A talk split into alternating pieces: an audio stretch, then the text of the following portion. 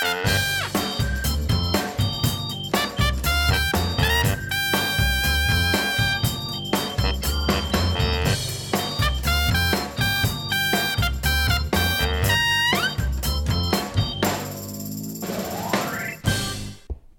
is drie dagen na de glans, glansrijke overwinning van Erdogan. En Rick en Jeffrey zitten weer klaar voor de CIP-podcast. Ja, want we gaan weer wat onderwerpen fileren, zoals gebruikelijk. En gezellig ouwe hoeren. Ja, Heb je er zin in, Jeffrey? ik zeker. Elke week sta ik weer te popelen. Dan sta ik op en dan denk ik, ik ga zo meteen Rick weer spreken. En natuurlijk heel christelijk Nederland toespreken met jou. Want wij zijn eigenlijk, Ja. eigenlijk ook een soort van dictators, toch? ja, nou ja. Wij leggen onze Soms- wil op. Soms denken mijn kinderen wel dat ik een dictator ben, ja. Ja, Dat is natuurlijk ook afhankelijk van of ze wel of geen snoepje mogen. Dat snap je natuurlijk wel. uiteraard. hey, waar gaan we het nog meer over hebben? We gaan zo meteen starten met Erdogan. Ja, daar kunnen we inderdaad niet omheen hè, deze week. En eh, we gaan vijf opvallende, opvallende kerktrends eh, doornemen. Een kerkwatcher die heeft eh, een aantal trends uiteengezet. En die gaan wij eens even door. We gaan het ook over de herziene statenvertaling hebben. Die wordt aangeraden door een eh hersteld hervormde predikant. En dat is nieuws. We leggen zo meteen uit waarom. We gaan het ook nog even hebben over Dolf van de Vechten, want hij heeft slecht nieuws gekregen. Hij is ernstig ziek. En ehm, dat is dus eh, niet zo'n heel leuk onderwerp, maar toch goed om dat te bespreken, omdat veel mensen ook met ziekte natuurlijk eh, te maken hebben. Maar we starten Ja. eerst in Turkije. Ja, Want- Turkije. Laten we eigenlijk beginnen met het feit dat jij op, op, op geen stijl eh, verscheen op een dag. Ja, jij zag me daar voorbij komen inderdaad, ja. Nou, eigenlijk, ja, ik lees geen stijl niet heel veel. Ja, Ehm, maar ik kreeg een tip van, eh, wie was het eigenlijk? Eh, ik zat met Gerard Troost en Wim Hoddenbach, twee hele leuke gasten, wat te eten. En die, die vertelde dat toen en ik schrok. Ik denk, is het een slechte PR voor CIP? Heb je iets geks gezegd? Heb je, ben je te ver gegaan? Ja, En ja, toen ja. vond ik daar op geen samen berichtje dat jij je had verbaasd over het feit dat in jouw wijk er mensen rondreden met toeterende auto's omdat Erdogan de verkiezing had gewonnen. Ja, inderdaad. Ik zat hier zondagavond. Zat ik hier, want ja, normaal zondagavond, dat is natuurlijk best wel een rustig dagje. Er gebeurt niks. Je denkt er even na over de preek die je gehoord hebt. Je, je, je denkt na over het leven met je vrouw. En dan opeens hoor je vuurwerk en toeterende, toeterende auto's. En dan, eh, ja, dan denk ik van, wat gebeurt hier, joh? En toen dacht ik, oh ja, natuurlijk. Die gek uit Turkije. En toen heb ik eh, Ja. een tweet de deur uitgeslingerd, uit- uitgeslingerd, inderdaad. Maar jij, vindt, jij bent geen fan van Erdogan. Nee, nee, verre van zelfs. Ik vind het... Ja, maar ook echt niet, hè? Want je zegt, je noemt hem ook gewoon een gek. Dat is natuurlijk ook niet heel netjes van je.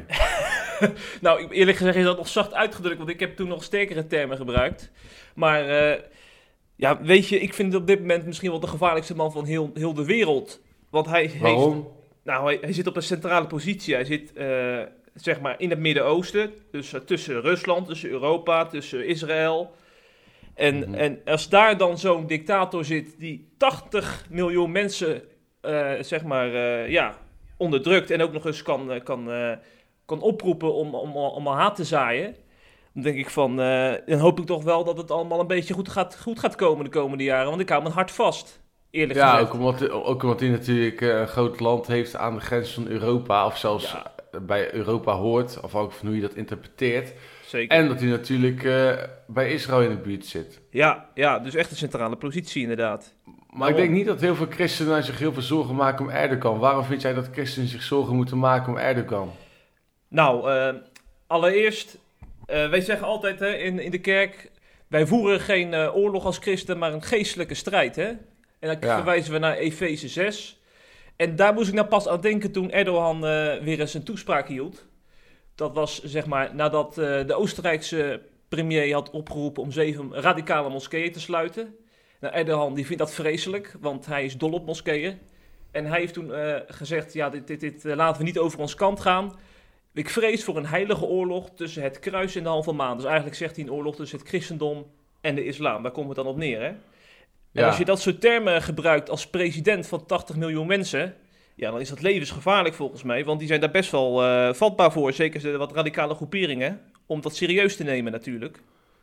Ja, want jij ziet, jij, jij kijkt dus wat verder dan, dan, dan Erdogan als dictator. Je denkt, ja, die man wil gewoon een geestelijke oorlog ontketenen als het aan hem ligt. Ja, Of in zeker. ieder geval gebruikt hij die termen.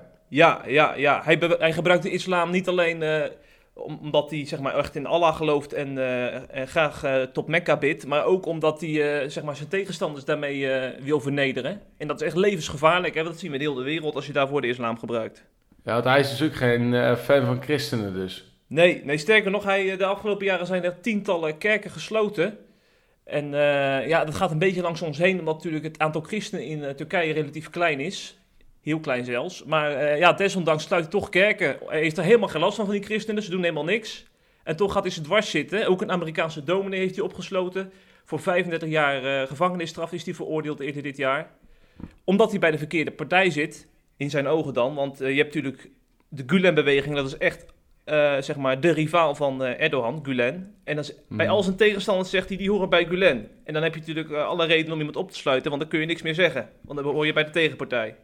Ja, en hij heeft ook, eh, naar ik heb begrepen, eh, kerken, kloosters en begraafplaatsen gewoon een soort van geconfiskeerd en dat eigendom gemaakt van de staat, right? Ja, klopt ja. ja. En eh, ook gewoon, ja, inderdaad, eigendom gemaakt van de staat. Hoe ver wil je dan gaan, hè? De, ja, gods- de godsdienstvrijheid de nek omdraaien. Ja, en, en ik heb je ook een keer horen zeggen dat hij zeggenschap wil over het gebied waar de tempel van Salomo stond. Ja, dat klopt. In Jeruzalem, eh, daar, eh, ja, daar is sowieso al een heilige oorlog gaande. Want daar heb je natuurlijk zowel het jodendom, het christendom als de islam... die daar eh, ja, toch wel hun heilige plekken hebben. En ook Erdogan maakt daar weer gebruik van. Want hij heeft dus eerder dit jaar gezegd dat, ja, dat, dat die plek ontjoodst zou moeten worden... omdat de joden geen recht hebben op, op de Tempelberg. En momenteel is hij trouwens al onder beheer van een islamitische organisatie, de WAKF... Die, eh, die, de, Mhm. die beheren de Tempelberg, wordt geregeerd vanuit Jordanië. En eh, ja, Erdogan die, die neemt er geen genoegen mee, want je hebt daar omheen heb je natuurlijk ook de klaagmuur en zo. En allerlei gebieden wat wel, eh, waar wel veel Joden komen. Ik denk dat ze Erdogan die stiekem er ook allemaal weg wil hebben en gewoon daar één grote moslimstad van wil maken. Dat is zijn droom. En hoe komt het nou toch dat al die islamitische ja, waasjes altijd zo, ja, zo extreem zijn? Hè? Je hoort maar weinig islamitische leiders, tenminste, ik, ken ze nou niet heel veel, Ja. die een groot land regeren. En die gewoon wel echt open en ja, inclusief denken, om Ja, maar zo te zeggen. Hoe komt dat, denk jij? Nou ja, voor een deel, het is niet helemaal religieus te verklaren, want eh, ik denk dat voor een deel ook gewoon cultureel is. Want ik, ik loop hier wel eens door de wijk hier in eh Kanaaleiland, in Utrecht, en dan, eh, dan zie ik daar een paar kleine jochies van, van 5, 6 jaar, zie ik elkaar bijna in elkaar slaan. En dan denk ik van, moet ik nou de politie bellen of moet ik ingrijpen? Maar dan blijf ik even kijken en dan hebben ze, een halve minuut later, hebben ze weer de grootste lol met elkaar. Dus sowieso, het is een beetje, sowieso een machtscultuur, hè? Van eh, je spierballen op laten de zien. borst slaan. Ja, op de borst slaan. Ja, ja, en ik denk als je dan eenmaal op de troon zit en, eh, en, je, en je, je leeft al in zo'n machtscultuur, ja, dan, dan kan dat toch heel, wel eens uit de hand lopen, want dan heb je al eh, het nodige te zeggen in je land. En dan is, ja, een klein stapje is dan eh, om, om ook minderheden te onderdrukken en om Ja, het is ook natuurlijk misschien een soort van islamitisch populisme. Hè? Ik bedoel, kijk, als je Geert Wilders hier in Nederland premier maakt, dan heb je natuurlijk hetzelfde liedje, alleen dan andersom. Mhm. Dan is het niet tegen de Joden, maar keihard voor de Joden. Ja, Eh, niet tegen christenen, maar keihard, keihard voor de christenen en tegen de moslims. Dus ja, feitelijk hebben we ook hier in Nederland natuurlijk mensen die hetzelfde, hetzelfde doen als meneer Erdogan. ja, En, ehm, maar het is wel opvallend dat eh, die mensen daarmee wegkomen. Hè? Want de, uiteindelijk de, de relatie tussen de EU en Turkije is best wel goed. Het is niet dat die mensen nou in de EU massaal denken van die Turkije... die kan het sowieso vergeten met het lidmaatschap van de EU in de toekomst. Ja, maar ik denk dat die relatie alleen maar goed is vanwege die Turkije-deal die twee of drie jaar geleden is gesloten. Om eh, zeg maar eh, de vluchtelingenstroom in te dammen. Want dat is eigenlijk de enige reden waarom eh, de EU Turkije nog te vriend moet houden. Want ik denk dat als die Turkije-deal niet was gesloten, dat ze veel grotere taal hadden uitgeslagen over Erdogan. Want nou hoor je natuurlijk Merkel en, en Macron hoor je nauwelijks. Omdat ze die man ook nodig hebben om de vluchtelingen in Turkije te houden. Ja, en vind je nou uiteindelijk dat de Turkije bij de EU moet komen? Want er zijn ook heel veel mensen die zeggen als christen of gewoon als weet ik veel, eh seculier weldenkend mens... Van, je moet niet zo'n groot islamitisch land willen voegen eh, tot Europa. Ja, sterker nog, je moet nu, eh, je moet nu echt gewoon duidelijk maken dat Turkije zo snel mogelijk hiermee moet, moet stoppen. En dat ze echt kansloos zijn voor de EU. Want als je hier, geen, als je hier niet hard over bent, wanneer, wanneer kun je dan nog wel zeg maar, de, de, de, de, harde, de harde baas uithangen? Als je, als je dit over je kant laat gaan, dan, uh, dan, dan, dan geef je dictators een soort van, uh, van, van zeggenschap, van, uh, of een soort van podium van hey, ga, maar, ga maar je gang. Hè? En dat, dat, dat moet je toch niet willen als EU zijnde. Ik bedoel, ja. we, we, houden allemaal van democratie en van mensenrechten en van weet ik het allemaal van dat soort termen. En als, dan, als die dan echt keihard worden geschonden in een, in een buurland, dan moet je echt heel fel zijn. Als mijn buurman, ja, dat, doet, als mijn buurman dat doet hier, dan, uh, dan in ieder geval, dan, dan, dan, dan, zeg ik er wat van. En maar vind jij uiteindelijk, uh, of uh, hoe denken trouwens die mensen in jouw wijk erover, dat jij dan op geen stijl komt? Hebben die dat toch helemaal niet door? Lezen die Turkse jongens geen stijl niet? Of? Nee, ik denk inderdaad dat ze het niet door hebben. Maar ja, die Turkse jongens die het lezen, die, die, die, die kennen mij natuurlijk ook helemaal niet. Dus, maar denk je uh, niet van, uh, ik moet een toontje lager zingen? Want het is natuurlijk wel echt... Uh, kijk, je, je kunt ook mensen gewoon gunnen dat ze van een dictator houden. Ik bedoel, het is misschien jouw voorkeur niet. Maar je kunt ook het gunnen dat je, dat je van meneer Erdogan houdt. Dat je gewoon stapel verliefd op die man bent. nou ja, ik moet wel toegeven dat ik soms wel voor dictators ben. Want zoals in Syrië, hebben we dictator Assad, hè? En toen hij nog zeg maar, echt de macht had, toen werden de christenen nog gerespecteerd. Dus je hebt ook dicta dictators die zeg maar, juist wel uh, minderheden hun gang laten gaan als ze zelf maar lekker op de troon kunnen zitten. Maar het, het gekke is dat Erdogan juist niet zo'n dictator is. En, uh, en alle minderheden, vooral de Koerden, onderdrukt. En dan heb ik zoiets van, ja, dan ga ik geen goed woord voor... Dan ga ik geen kaart tegen in op Twitter, want uh, ik vind dat iedereen dat moet weten. Dat het een enorme gek is. Ja, maar je bent niet bang als je over straat loopt. Nee, absoluut niet. Nee, waarom? Uiteindelijk is het toch, zijn we in Nederland en dan is de politie er altijd weer als de kippen bij uh, om in te grijpen als er iets gebeurt. Hè? Als, ik een, als ik een ei naar mijn hoofd krijg of zo. Ja, ik snap het. Maar dat is natuurlijk het lastige bij dictators. Kijk, uh, je hebt natuurlijk uh, Gaddafi gehad. Nou, er is uiteindelijk meer zooi gekomen nadat we die hebben afgezet. Ja. dan de, de tijdperk daarvoor. Ja, het Saddam Hussein, feitelijk hetzelfde. Is ook in chaos beland. Nou, Erdogan is er ook zo eentje. Het gaat toch vaak goed, kennelijk, in, in ieder geval in islamitische landen, als je gewoon een dictator hebt. Dat is wel heel erg apart natuurlijk. Ja, precies. Dictators toch ook al onderdrukken zijn, dus net zoals Erdogan christenen. Of, uh, ik bedoel, Saddam Hussein was ook niet lief, hè, met zijn zenuwgas en dat soort dingen. Ja. Assad is hetzelfde liedje. Je mag misschien christenen steunen en uh, dat soort werk. Maar ja, die, die heeft natuurlijk ook allerlei oorlogsmisdaden die begaan zijn land helemaal in de afgrond uh, gebracht. Ja. Um, ja, dat is natuurlijk wel apart dat het zo werkt met dictators. Ja, dat is ook zo. Dat aan de ene kant zijn het de meest verschrikkelijke narcistische mensen waarvan je denkt, nou, die zijn we vandaag liever kwijt dan rijk. Aan de andere kant moet je ook erkennen dat het soms goed is om kennelijk een man te hebben die met een hele grote scepter in um, de hoofdstad van zijn land daar een beetje de boel zit te regeren alsof hij God is.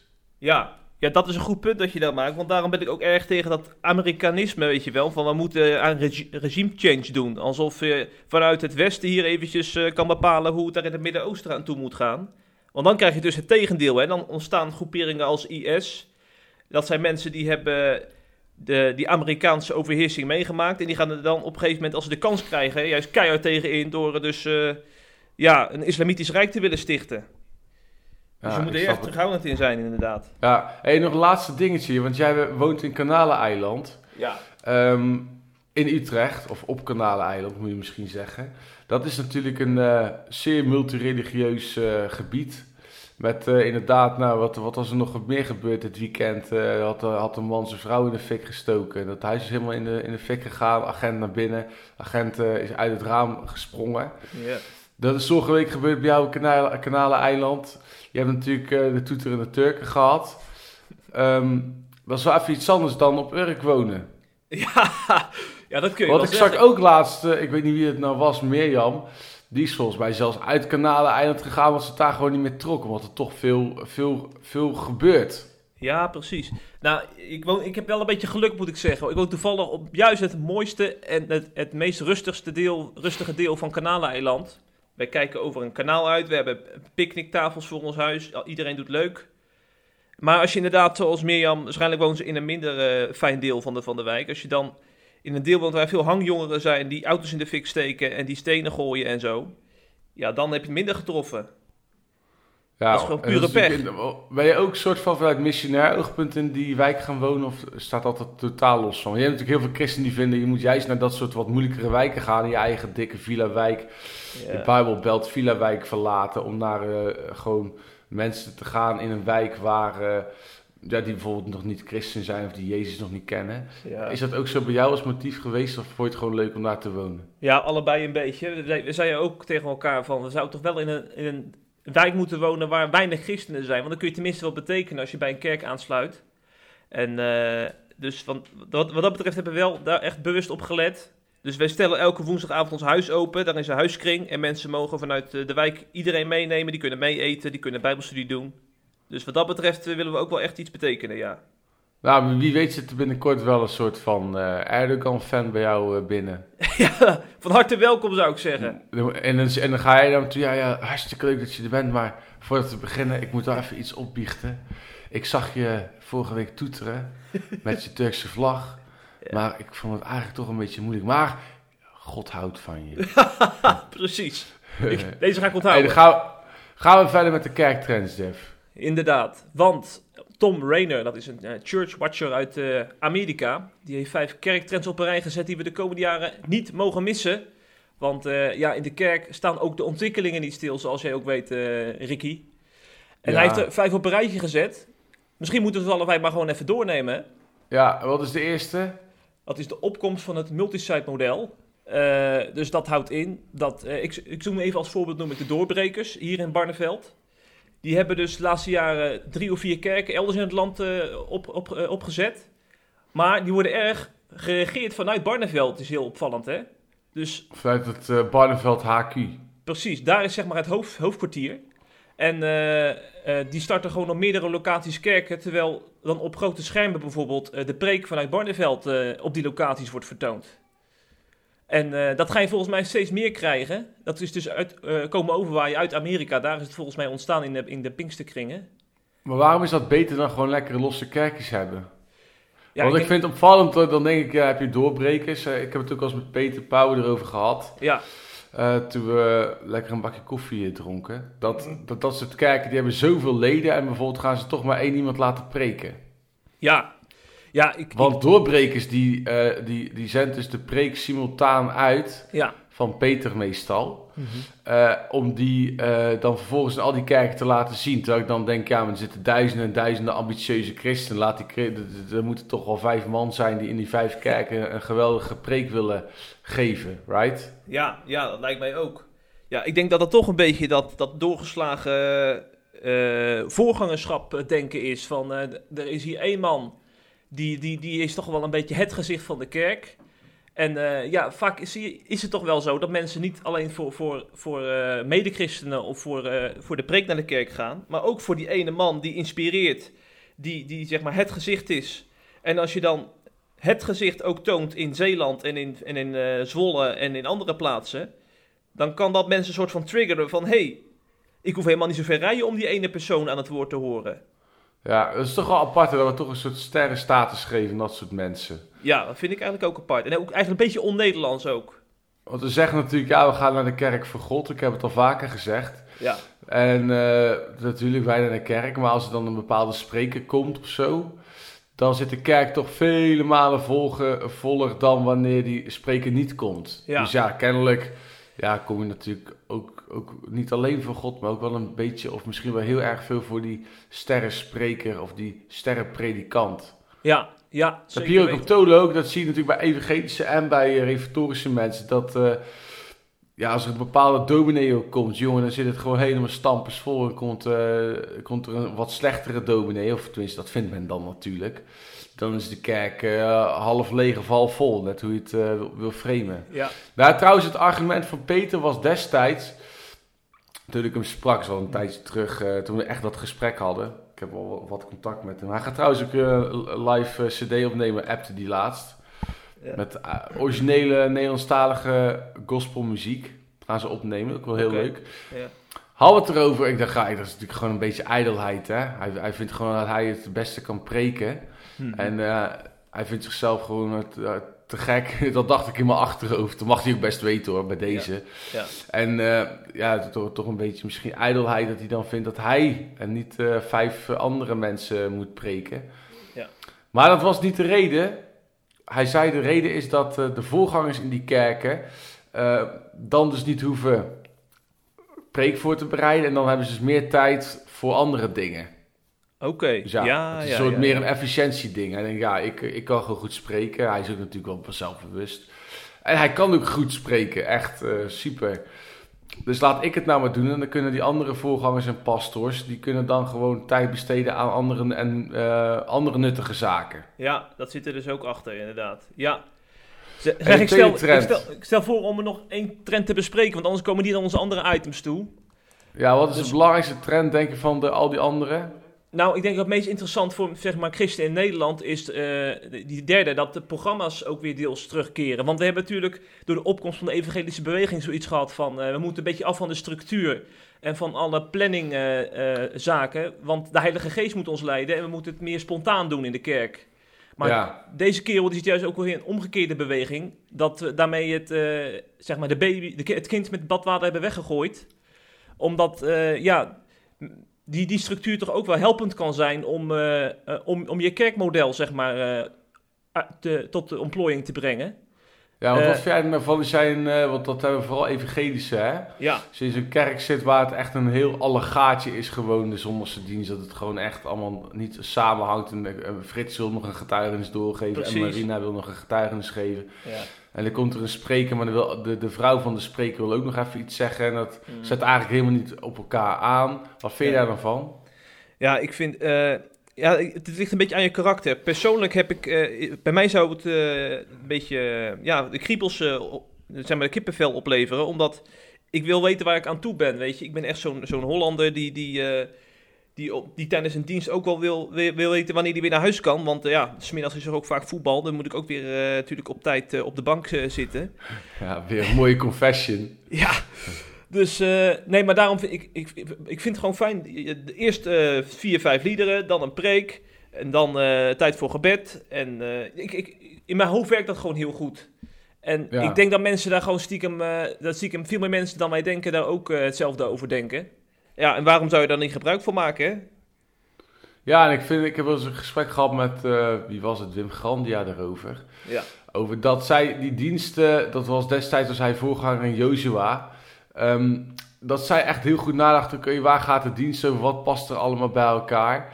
En dat ze zorgden dat de liederen bij, op, op het thema af wa- waren gestemd, dat de getuigenissen op eh, het thema waren afgestemd, dat de preek natuurlijk erop was afgestemd. Kortom, dat alles in die dienst gewoon een beetje goed georganiseerd was. hè? Ja, ja, ja. En dat precies. ook als, ze, als Mientje dan eh, iets moest vertellen dat ze nog niet achter, eh, van, dan nog niet op de wc zit. En dan even moet wachten tot ze van de wc af is. Om dan in veel te traag tempo naar het podium te lopen. Mhm. Maar het gewoon allemaal goed geregeld was. Ja, Toen vertelde hij het verhaal dat er een vrouw na de dienst naar, naar hem toe kwam. En die vertelde, oh dit is zo leiding van de Heilige Geest. Het past zo goed bij elkaar. ja. En het was echt alsof God het had bedacht van tevoren. En hij zei, nou ja, dat is eigenlijk ook zo. ja precies. Mooi Want toch? christen willen het vaak natuurlijk spontaan hebben, omdat ze dan denken, ja, dan, dan kan de Heilige Geest meer werken. Of, de, hij zegt, ja, maar je kunt ook met z'n allen van tevoren bidden tot de Heilige Geest. En dan met z'n allen een thema afstemmen waarvan we denken, dit is wat God wil gaan doen. En het, ehm, de Heilige Geest net zo aan het werk laten als normaal, alleen doe je het dan wat meer hapsnap, minder Ja. hapsnap, maar meer gestructureerd. Zeker. En dat is natuurlijk niet meer of minder geestelijk of zo dan het eh, alles maar een beetje doen. En bovendien, het is ook natuurlijk handig voor de mensen om in een wat duidelijker verhaal mee eh, te worden genomen. Want soms, die kijken bezoek ik ook wel eens, dan moeten, moeten de drie mensen wat zeggen, maar die vertellen drie complete preken eigenlijk. De ene natuurlijk in vijf minuten, de andere in twintig minuten, de andere die krijgt maar één minuut. Maar het zijn dan drie totaal verschillende dingen. Mhm. Ja, dat is natuurlijk voor de beleving ook denk ik niet zo heel goed. Nee, Maar nee. dat is mijn persoonlijke mening. Ik denk dat het beter is om gewoon te zeggen, nou, in plaats van nou echt er een, een, een onge, ongestructureerd eh, een zootje van te maken, en dat, dat zeg ik natuurlijk een beetje om het aan te dikken, Mhm.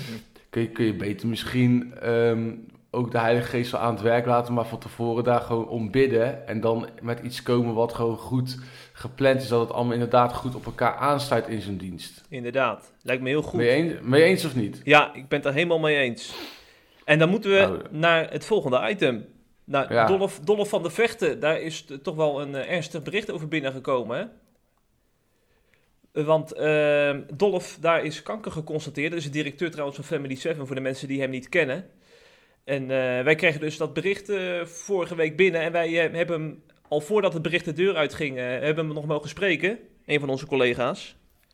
Dus gisteren is een groot interview met Dolf op een CIP verschenen. Heb Wat vond je ervan? eh, ja, ik vond het wel eh, mooi dat hij eh, al eigenlijk zo in, in dit stadium al bereid is om daar zo open over te zijn. Want je kunt ook zeggen van, nou, ik, ik kom al over twee of drie maanden met mijn verhaal. Ik moet eerst nog even verwerken.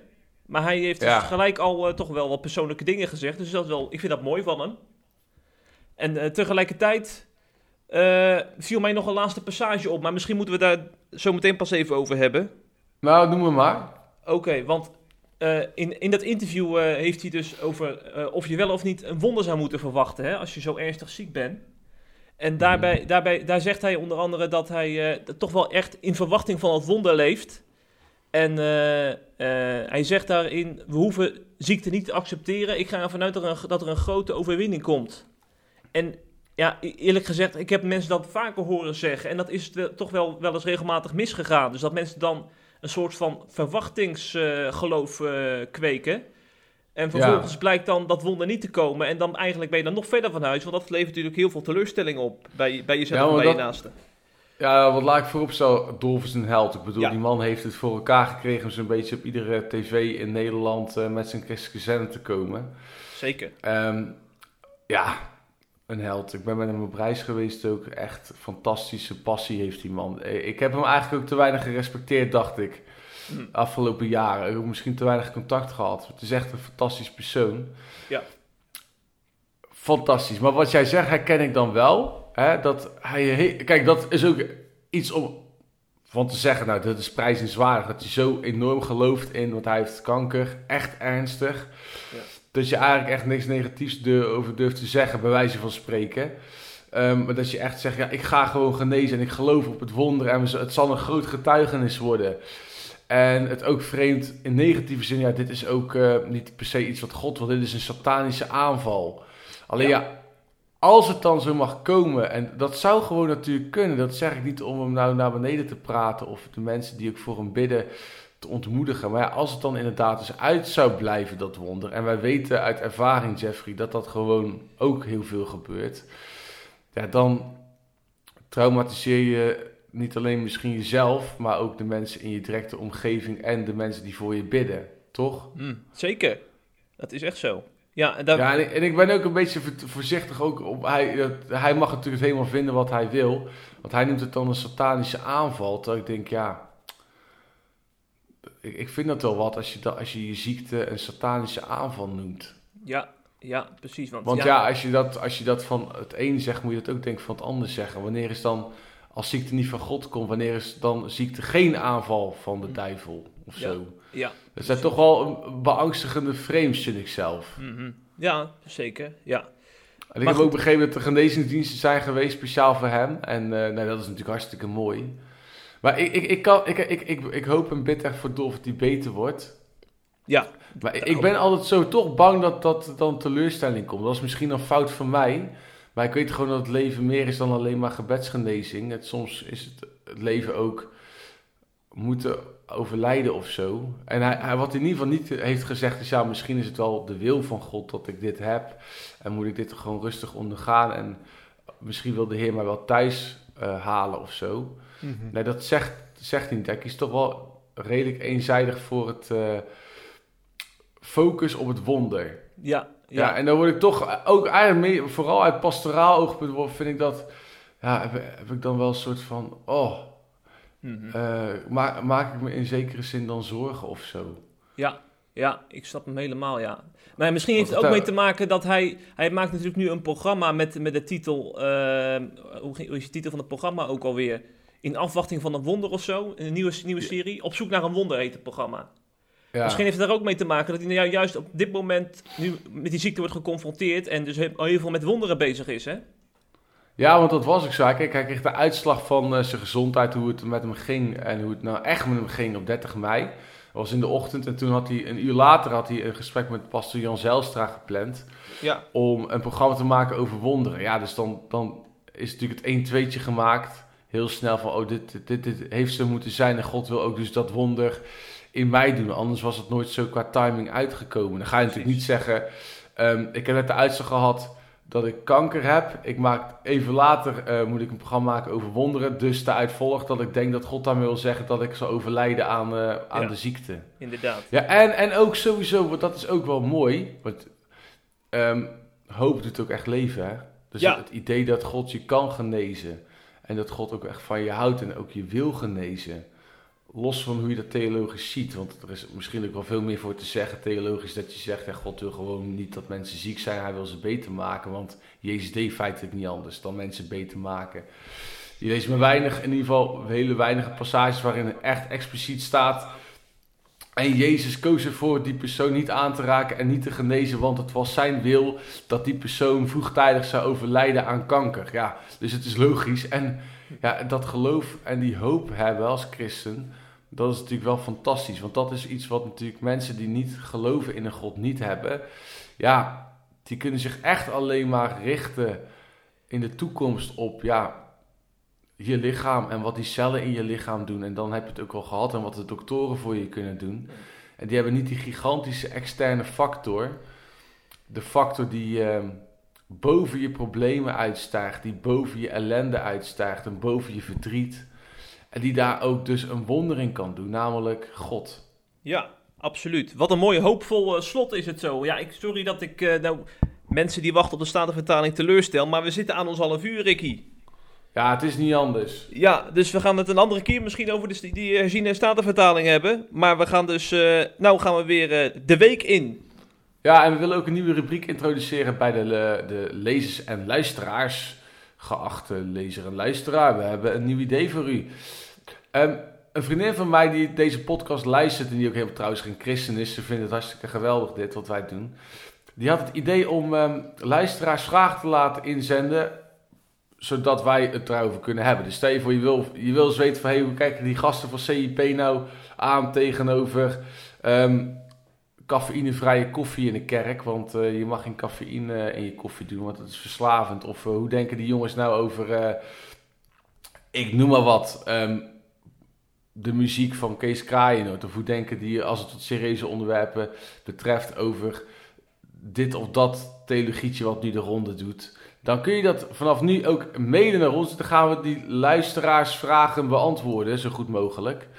En dat kun je dan sturen naar info.cip.nl. Dus als je denkt van, hey, ik zou wel eens die jongens willen horen over puntje of eh, puntje of puntje. Mail je vraag dan naar info.cip en dan kiezen we de leukste vraag uit voor de podcast. Kijk, ja, weer wat nieuws. Daar houden wij van bij SIP. Uiteraard. Ja, mooi man. We gaan de mailtjes afwachten. En we moeten ook nog even natuurlijk onze lezers bedanken. Want we hebben er weer tientallen bij gekregen. eh, Of tientallen abonnees bij gekregen, moet ik zeggen, hè, de afgelopen week. Ja, CIP Plus leden, top man. Ja, ja, zij maken mede deze podcast mogelijk. En eh, zou je nou dat interview met Dolf van de Vechten willen lezen? Meld je dan even aan bij CIP Plus en eh, geniet van het interview. Ja, super. En tegenwoordig kun je ook drie CIP Plus artikelen gratis lezen. Het was eerst zo dat als je bij een artikel kwam wat betaald was, dan kon je er gewoon gelijk bam niet in. Eh, nu hebben we het wat vriendelijker gemaakt, ook wat christelijker. Je kunt als gebruiker, als je nog geen CIP Plus lid bent en nog niet betaald voor de website, die dus gewoon geld kost. En daarom vragen wij ook geld voor CIP. Kun je gewoon drie artikelen gratis lezen en pas dan kom je die harde paywall tegen. Dus eh, iedereen die van gratis houdt, die is daarmee toch geholpen. Precies. Kijk, dan zijn we weer helemaal rond. Goed zeg. Mooi, want het was gezellig, Jeffrey. We gaan er weer een mooie dag van maken. Ik hoop als je hebt geluisterd dat je het ook super leuk vond. Dat je weer van genoten hebt om even lekker christelijk geouwe hoer te horen. En doe ons alsjeblieft een lol. Geef ons vijf sterren op iTunes. Daar zijn we dol op. Precies. Ik zeg houdoe en bedankt. Toedelidokie.